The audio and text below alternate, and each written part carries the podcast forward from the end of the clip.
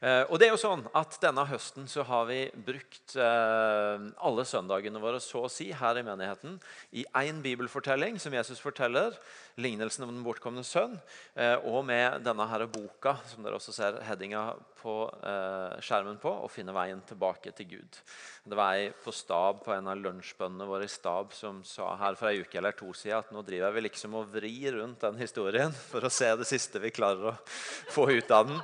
Eh, Eh, så, så, så, vi har på en måte, vi har virkelig dykka inn i den. og jeg skal ikke, Vi har kommet til det punktet hvor jeg ikke skal begynne å rekapitulere alt vi har sagt til nå. for da bruker jeg hele talen min på det. Men kort fortalt, da, hvis du er på besøk eller for første gang her i dag er, og ikke kjenner lignelsen om den bortkomne sønnen, så er det en historie Jesus forteller om en ung mann som ber sin far om å få arven sin. og Så reiser han ut og bruker den arven på et liv eh, med masse moro, men, eh, men kanskje ikke best, beste anvendelsen av pengene. Ender opp blakk, hungersnød i landet, går fra sus og dus til å spise grisemat for å holde seg i live. Og så legger han ut på en vandring hjem igjen til sin far med et spørsmål om han kan få komme tilbake dit. Ikke som sønn, for det regner han ikke med han kan være, men i hvert fall som en arbeidskar på gården. Og så skal vi annet i dag også innom hvordan den mottagelsen er.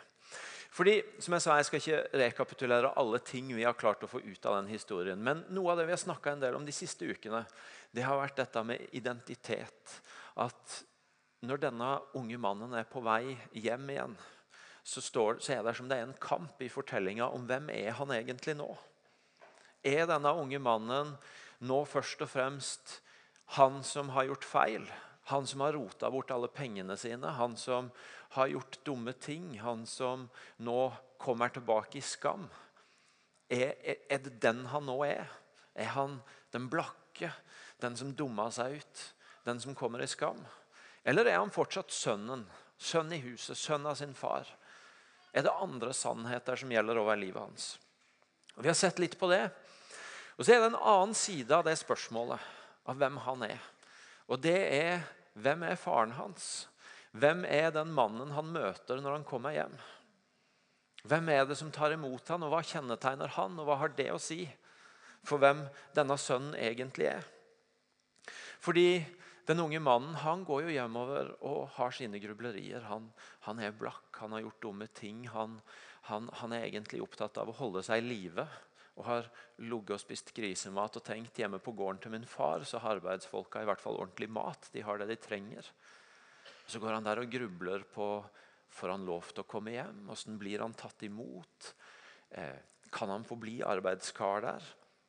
Han, han, tenker ikke engang tanken virker det som, om at han kanskje skal få komme tilbake i posisjonen som sønn i huset. Og Så går han der og grubler, og han er definitivt blitt i tvil om hvem han er, og hvem han kan forstå seg sjøl som. Men så er det sånn at svaret det ligger jo ikke i hans grublerier, men svaret ligger jo i måten faren møter ham på. Svaret ligger jo i det som, eh, det som møter han når han kommer hjem. Det er ikke sånn at hvis han bare får tenkt lenge nok og hardt nok og klart nok, så, så kommer han fram til hvem han er, og hva framtida hans bringer. Men det er først når han ser hvordan han blir tatt imot, det er først når han ser hvem faren er, og hvordan faren forholder seg til dette, at han også får klarhet i hvem han, for, hvem han nå er, og hvordan han kan forstå framtida si. Det er en historie, kanskje jeg vet ikke om noen av dere har hørt den, men det er en historie om Walt Disney som adopterte ei jente som sin datter, eller inn i familien. Og så var han opptatt av at hun ikke skulle på en måte måtte forholde seg så mye til all berømmelsen og all hypen rundt det å være i Disney-familien og Walt Disneys datter. Så han, han skjerma henne for alt det. Han, han røpa ikke til denne lille jenta hvem han var, eller hva han, hva han holdt på med. Eh, og Han prøvde å på en måte la henne leve mest mulig vanlig. Helt til hun en dag på skolen får spørsmål om er det sant at pappaen din er Walt Disney? Og hun liksom Ja, hvem er Walt Disney? Eh, han, han, heter Walt, men, men, ok, hvem er det? Og Så må hun gå hjem og så spørre sin far er du Walt Disney. Eh, og, og, så Ja, ja, ja, han er jo det. Ja, kan jeg få autografen din? Ja, Hvorfor skal du det? Ja, nei, for Det er noen på skolen som har spurt om hvis du er Walt Disney, om de kan få autografen din. Og så, og så plutselig så skjønner hun som har levd skåna, at at på en måte det er pappaen hennes som har putta Disney i Disneyland. og ordet Disney-prinsesse får en ny klangbunn for henne. Hun, det åpner seg noe annet av hvem hun er, når hun også skjønner hvem faren er. Og så er der, skal vi ikke dra hele historien og kverne den. Der er andre sider ved historien som forteller at det var kanskje ikke bare fordeler heller med å være Disney-datter. Men dere får, fra, får, med poenget. Det er noe nytt som åpner seg i hvem hun er, hva som er framtida hennes, hvordan hun forstår seg sjøl. Når det plutselig åpner seg et helt nytt bilde av hvem faren er. Og Denne unge mannen han opplever altså, når han går og grubler på hvordan dette skal gå, så står det at han ennå var langt borte. Så fikk faren se han, og han fikk inderlig medfølelse med han. Han løp sønnen i møte, kasta seg om halsen på han og kyssa han. Sønnen sa, 'Far, jeg har synda mot himmelen og mot du.' 'Jeg fortjener ikke lenger å være sønnen din.' Men faren sa til tjenerne sine, 'Skynd dere, finn fram de fineste klærne og ta de på han. Gi han ring på fingeren og sko på føttene.' Og hent gjøkalven og slakt den, så vil vi spise og holde fest. For denne sønnen min var død og er blitt levende. Han var kommet bort og er funnet igjen. Og så begynte festen og gleden. Det er veldig lett for at mange av oss blir opptatt av min vei tilbake til Gud. At jeg må finne ut hvem jeg er. At jeg må finne svaret på utfordringer jeg har i mitt liv. Og det er mye bra med å jobbe med seg sjøl, med å finne ut av spørsmål en har, med å ta ansvar for ting en trenger å finne en løsning på. Det er tommel opp for det, og bra. Men det er en annen side som handler om at noe av det mest nådefulle i denne fortellinga er at svaret på denne sønnens spørsmål om hvem han er, om hva som er framtida hans, om hvordan han skal finne en løsning på at han er blakk og trenger en måte å overleve på, ligger ikke først og fremst i hva han kommer fram til, men hvordan faren møter han. Med en omfavnelse, med et budskap om at han fortsatt ikke bare, lenger, ikke bare er arbeidskar, men han er sønn. Og med at han åpenbart er velkommen til et liv, til et nytt liv hjemme på gården. Det er en identitet som han uansett ikke kunne klart å skape sjøl som ikke han kunne ikke tenkt seg fram til, han kunne ikke snakka seg fram til, han kunne ikke argumentert seg fram til. At ja, men kom an! Det som har vært, har vært. Er jo sønn her. Men det er noe som henger på at faren er den han er. Han er en nådefull far, han er en kjærlig far, han er en far som venter, og som tar han imot, og som definerer hvem han fortsatt er. Vi kan stille spørsmålet, men i en del ting så er det bare Gud far som kan gi svaret. Det er ikke sånn at det hviler på oss, men det hviler på Han. Og Nå er det første søndag i advent i dag.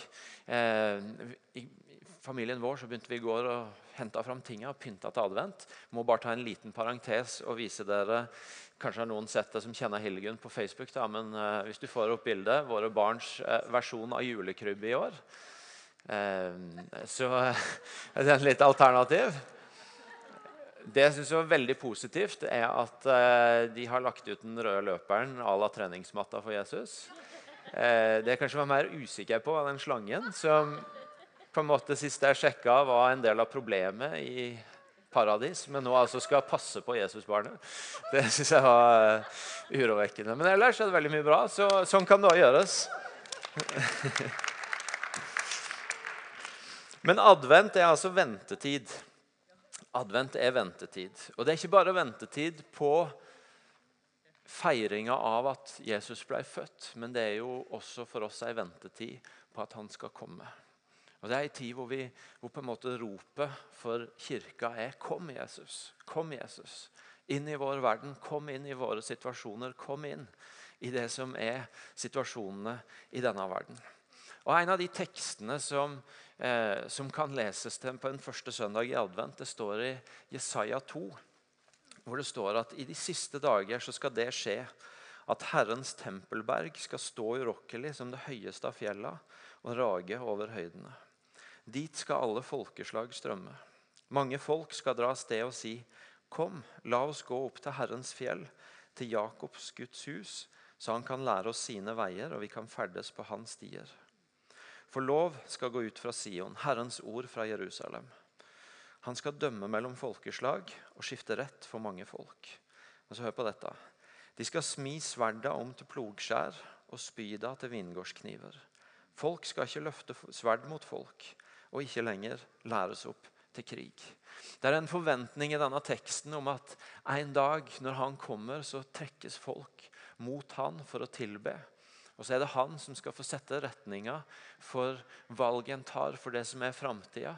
Og så, og så Et av de bildene han gir som jeg synes er så nydelig, det er at de våpna som før ble brukt til krig, til strid, til fiendskap, til problemer, de skal nå bare formes om til noe som skaper liv, som det er mulig å bruke til noe nyttig, som, som ikke er til krig, men til fred og til framtid og til liv for folk. Og Det er faktisk noe av det som ligger i adventstida. Ikke bare at vi venter på å få feire jul, selv om det òg er veldig bra for det. Men også dette her ropet 'Kom, Jesus' inn i vår verden, inn i de situasjoner som vi har rota til, som ikke vi finner ut av. Og kom med de svarene som ikke vi kan finne fram til sjøl. Kom med de løsningene som ikke vi klarer å rydde opp i sjøl. Skap fred, skap liv.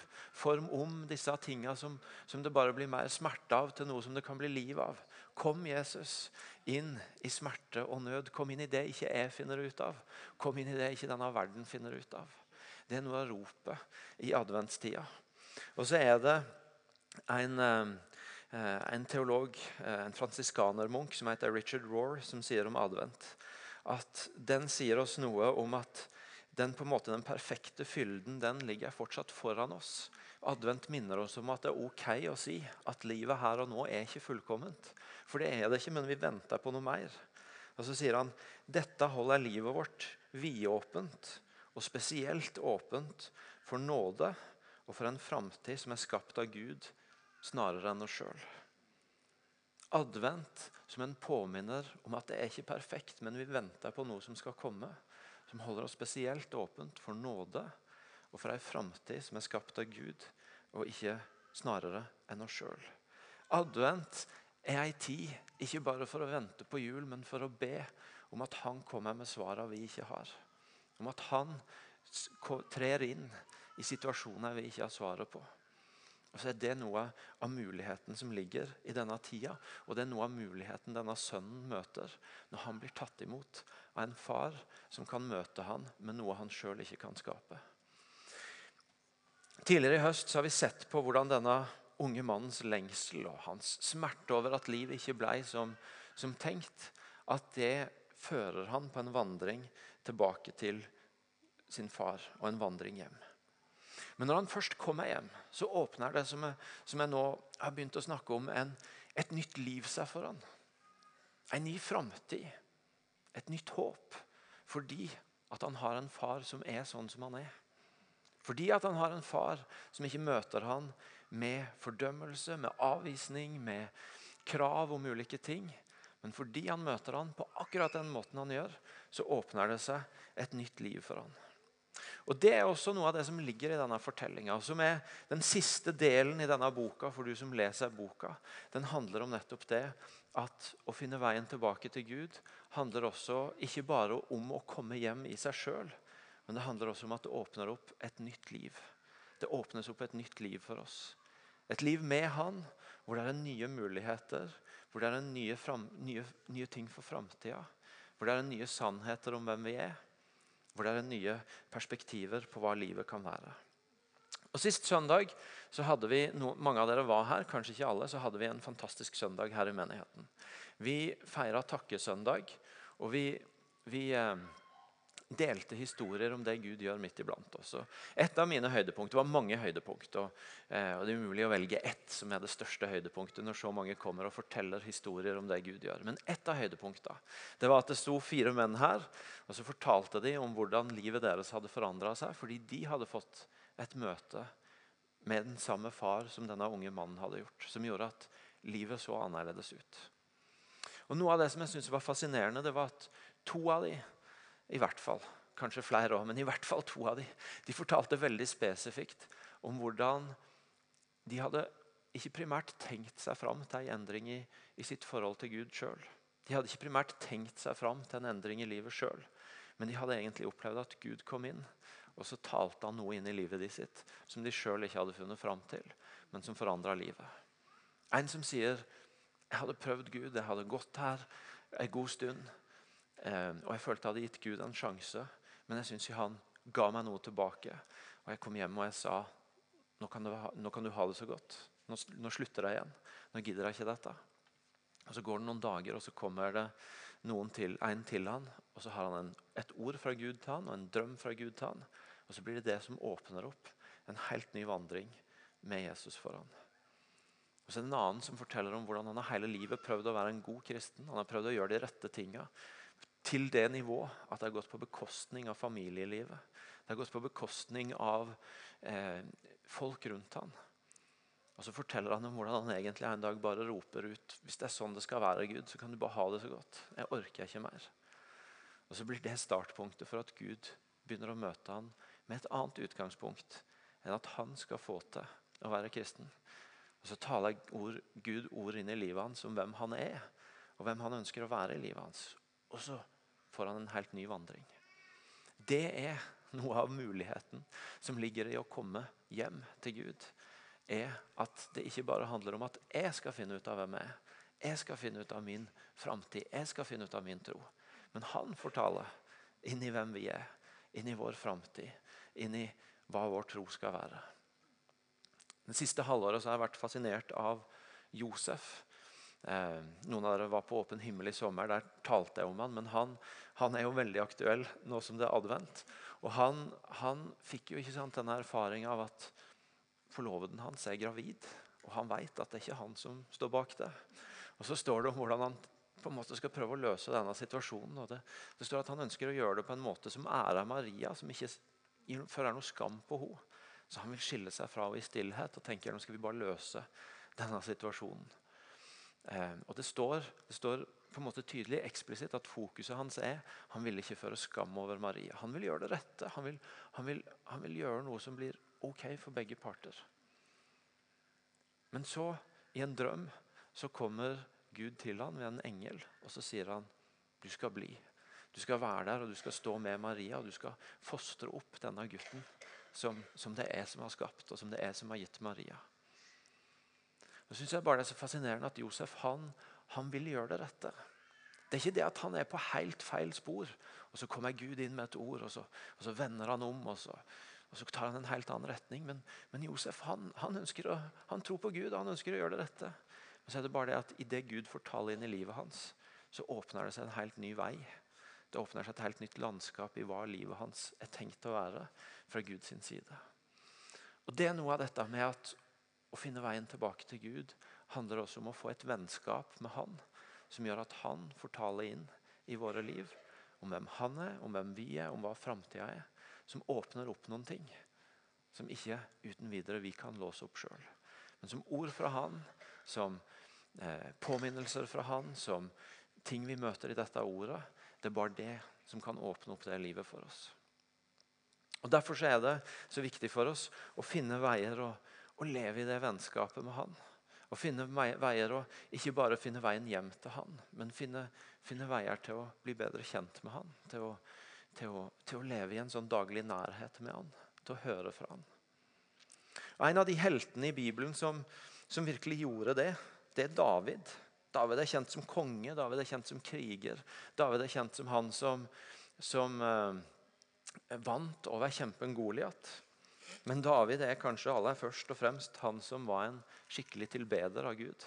Som alltid lengta etter å komme nær Gud og, og få få synge til han og få snakke med han og få være nær han. Og han har skrevet masse flotte salmer om det. En av de er salme 63, hvor David eh, er jaga av Saul. Han er ute i ørkenen. Han, han, han er på en måte i en fortvila situasjon. Og så skriver David.: Gud, du er min Gud som jeg søker. Min sjel tørster etter deg, min kropp lengter etter deg i et vannløst, tørt og utarma land. I helligdommen skua jeg deg, jeg så din makt og herlighet. For din miskunn er bedre enn livet. Mine lepper skal synge din pris. Slik vil jeg velsigne deg hele livet og løfte henda i ditt navn. David forteller om hvordan han, han, han, trenger å komme nær Gud igjen for å få tak i hva, hva er du vil med dette, Gud. Jeg er her ute i ørkenen, jeg jager. hvordan er det du ser på meg? Hva er det du, du, du, du sa jo en gang at jeg skulle bli konge. Hva er det du tenker om meg nå? Jeg trenger å komme nær deg, Gud. Og så minnes han hvordan han skriver at i helligdommen så så jeg deg, jeg så din makt og herlighet. Og Han minnes hvordan det å, det å komme inn i Guds hus, det å være på et sted hvor det er tilbedelse, det å gjerne komme sammen med andre og søke Gud, det var noe som minnet han om hvem Gud er. Som talte inn til han om hvem Gud er i hans liv, og hva Gud kan gjøre, og hva framtida kan være. Men så sier han også noe annet. Han sier, 'Jeg tenker på deg der jeg ligger og hviler', 'og jeg grunner på deg gjennom natta'. For du har vært en hjelp for meg, og jeg jubler i skyggen av dine vinger. Han kommer også på at samtidig som han har vært i helligdommen, han har vært der hvor mange tilber Gud, der hvor, det, der hvor han blir minnet på hvor stor Gud er, hvor mektig han er, så kommer han også på at når han er alene om kvelden, så har han ligget og tenkt på Gud sin far, og så har han blitt minnet om hvem han er, og hvor trofast han er. og at han kan være trygg på at han er med han. Han skriver i det neste verset Hold deg fast ved det. Din høyre hånd har grepet meg. Han har, han har funnet en trygghet der. Og Sånn er det også når vi skal prøve å finne ut av dette her livet med han. Ikke bare å finne fram til han, ikke bare å finne hjem til han, ikke bare å på en måte sjekke av at jo da, jeg har min tro på plass. Men, men dette her livet hvor han får snakke framtid og håp og identitet og hvem vi er, så er også spørsmålet for oss hvor er noen av de punktene hvor vi får, får utvikle det livet, hvor vi får høre fra han, og vi får bli bedre kjent med han. Og akkurat som David så, så finnes det forskjellige punkter for det. Det er forskjellige steder som har forskjellige funksjoner. Jeg kan se I mitt eget liv den siste uka, sist søndag som jeg sa, så var jeg her på takkegudstjeneste. Fantastisk opplevelse å være mange mennesker i dette rommet. Høre historier om Guds godhet. Og jeg, og jeg ble inspirert. Jeg ble takknemlig for det jeg er en del av. Jeg ble oppbygd av historier jeg hørte, som, som bare høyna troen min igjen på at oi, det kan Gud gjøre. Det kan skje. Og Jeg, ble, jeg fikk en sånn tanke når jeg, når jeg, hørte flere sånne historier om hvordan livet var, var blitt forandra fordi, fordi, noen hadde gitt et ord fra Gud til noen andre. Så, så, så, fikk det meg til å tenke på at ja, men, å, der er det noe. Det må, det må høre Gud og kunne gi ord fra han til andre. Det har jeg lyst til å vokse i. Og Så blir den store gudstjenesten et sånt sted hvor en feirer, hvor jeg blir inspirert. Hvor jeg får tak i ting som kan ta livet mitt med han videre. Men så, på eh, onsdag, så var jeg på samling i huskirka mi. Da satt vi ti stykker rundt et bord. og eh, Øyvind og Åse som jeg tror var her, de hadde lagd deilig suppe til oss. og eh, Kjøpt juleskum og julebros. og Vi satt og koste oss og lo og spiste deilig mat. og så, så Etter hvert så endra samtalen seg. Så begynte vi å snakke om hva som skjer i livet vårt.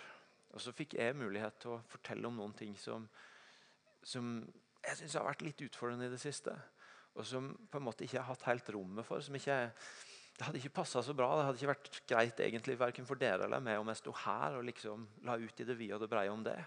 Men, men, rundt det måltidet, rundt det bordet, så er det litt lettere å gjøre det. Og så fikk jeg spørre om kan dere be inn i det. Og så begynte noen andre å dele noen ting. Og så, og så fortsatte samtalen videre til ja, men hvordan finner vi ut av dette her med å, å be, be, til daglig? og Hvilken plass har bønn og det å stoppe opp for Gud i hverdagen vår. Og så, og så ble den stunda et sted hvor jeg både fikk lov til å komme nært i mitt liv, fikk, koble troa mi, og det ble jeg inspirert på på søndagen, med noe av det som er hverdagen min, og det som jeg utfordres på. Og fikk et fellesskap å gjøre det i.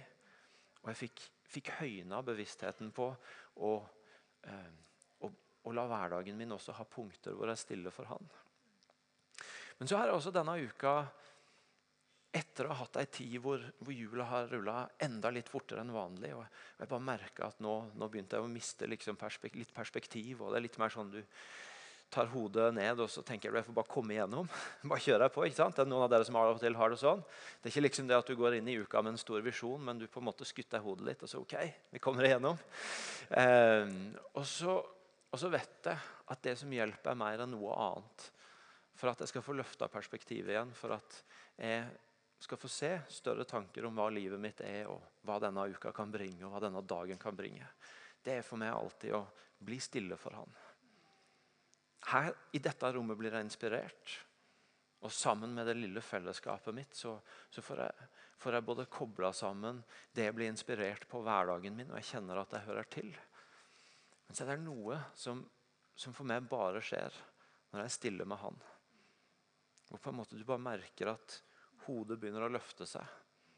Og Jeg ser dagene annerledes, jeg ser livet mitt annerledes. Jeg ser til og med hvem jeg sjøl er annerledes. Fordi jeg, jeg, begynner å, jeg, begynner egentlig å senke hodet litt på tanken om hvem jeg sjøl òg er. Så sender jeg meg et vers mens jeg sitter der og er stille. Skulle nesten tro det var Gud. Og så, og så står det der Men du, Israel, min tjener, som jeg har utvalgt, ett av Abraham, min venn, som jeg greip tak i ved jordens ender og kalte deg fra den ytterste grense. Jeg har utvalgt deg og ikke forkasta deg. Frykt ikke, for jeg er med deg. Vær ikke redd, for jeg er din Gud. Jeg gjør deg sterk og hjelper deg og holder deg oppe. Det er noe som bare skjer i stillheten av en sånn påminner fra Han på hvem jeg er. En påminner fra Han på hva framtida mi er. Og som, som bare, bare skjer egentlig, eller jeg skal ikke si bare skjer, det kan skje annerledes òg. Beklager. Det var overdrivelse. Men som for meg skjer på en spesiell måte når jeg er stille.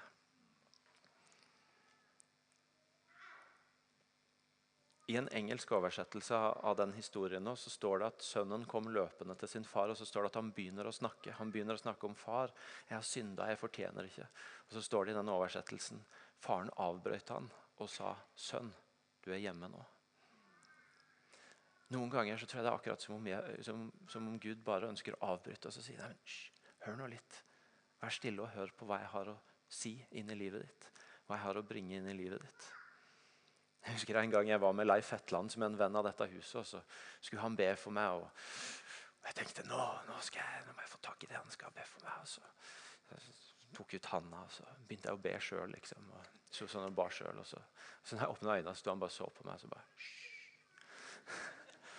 det er veldig vanskelig å høre hvis du snakker sjøl. Noen ganger er det det med å bli stille. Faren avbrøt han. Det å bare la far snakke inn i livet vårt istedenfor å tenke at vi skal gruble oss fram til det sjøl. Denne adventstida er en invitasjon, akkurat som far har inviterer denne sønnen hjem til et nytt liv. Til et nytt utgangspunkt. Så er adventstida en invitasjon til å si 'Kom, Herre, kom inn i mitt liv'. Snakk sannhet om hvem jeg er. Snakk sannhet om framtida mi. Kom inn i denne verden, kom inn i de situasjonene jeg ikke har svar på. Og, og bring liv, bring fred, bring sannhet. Smi om våpna til noe som kan bli til liv og framtid og håp. Skal vi reise oss opp?